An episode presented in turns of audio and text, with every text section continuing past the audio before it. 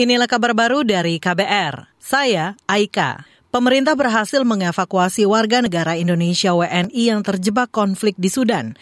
Hal itu disampaikan Jokowi dalam keterangan pers di Labuan Bajo, Manggarai Barat, Nusa Tenggara Timur hari ini. Kata Jokowi, per hari ini jumlah WNI yang telah dievakuasi sebanyak 969 orang. Rinciannya, 936 sudah pulang dan 33 sudah berada di lokasi aman di luar Sudan. Yang terakhir, yang berkaitan dengan evakuasi WNI dari Sudan. Di tengah berbagai kesulitan yang ada di sana, pemerintah telah berhasil mengevakuasi WNI dari Sudan. Presiden mengklaim ke depan akan terus memperkuat dan meningkatkan perlindungan WNI.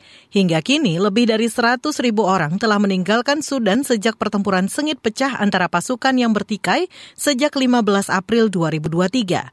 Selain itu, 334 ribu orang telah mengungsi di Sudan. Hingga kini, pertempuran antara tentara dan kelompok paramiliter pasukan dukungan cepat RSF masih berlanjut.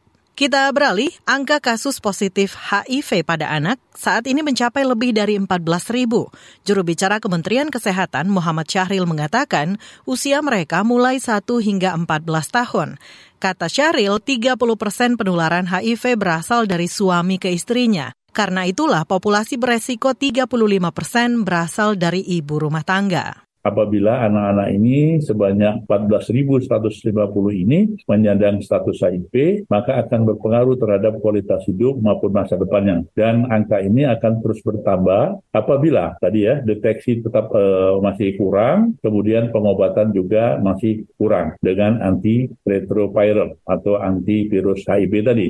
Juru bicara Kemenkes Muhammad Syahril menambahkan Kemenkes akan terus melakukan screening pada individu untuk memutus mata rantai penularan HIV secara vertikal dari ibu ke bayi. Berdasarkan data dari 7 ribuan ibu hamil yang terinfeksi HIV, baru 24 persen yang mendapat obat ARV. Inilah yang dapat memicu bakal terus terjadi penularan HIV dari ibu ke janin. Kita beralih ke informasi lain.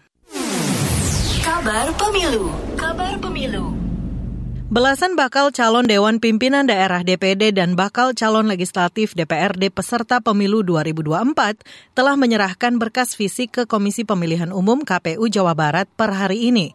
Satu bacalek itu berasal dari Partai Keadilan Sejahtera PKS.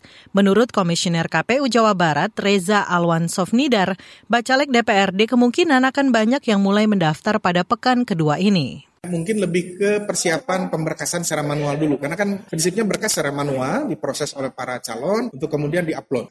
Kami mendapatkan informasi bahwa persiapan berkas-berkas itulah yang memang membutuhkan waktu, karena mungkin dirinya terbayang ya oleh kita semua harus mengantri di kantor polisi, mengantri di pengadilan, mengantri di rumah sakit, itu membutuhkan waktu juga.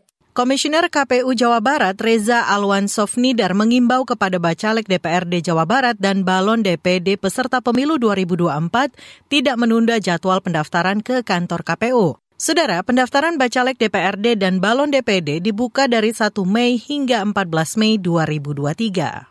Demikian kabar baru dari KBR. Saya Aika.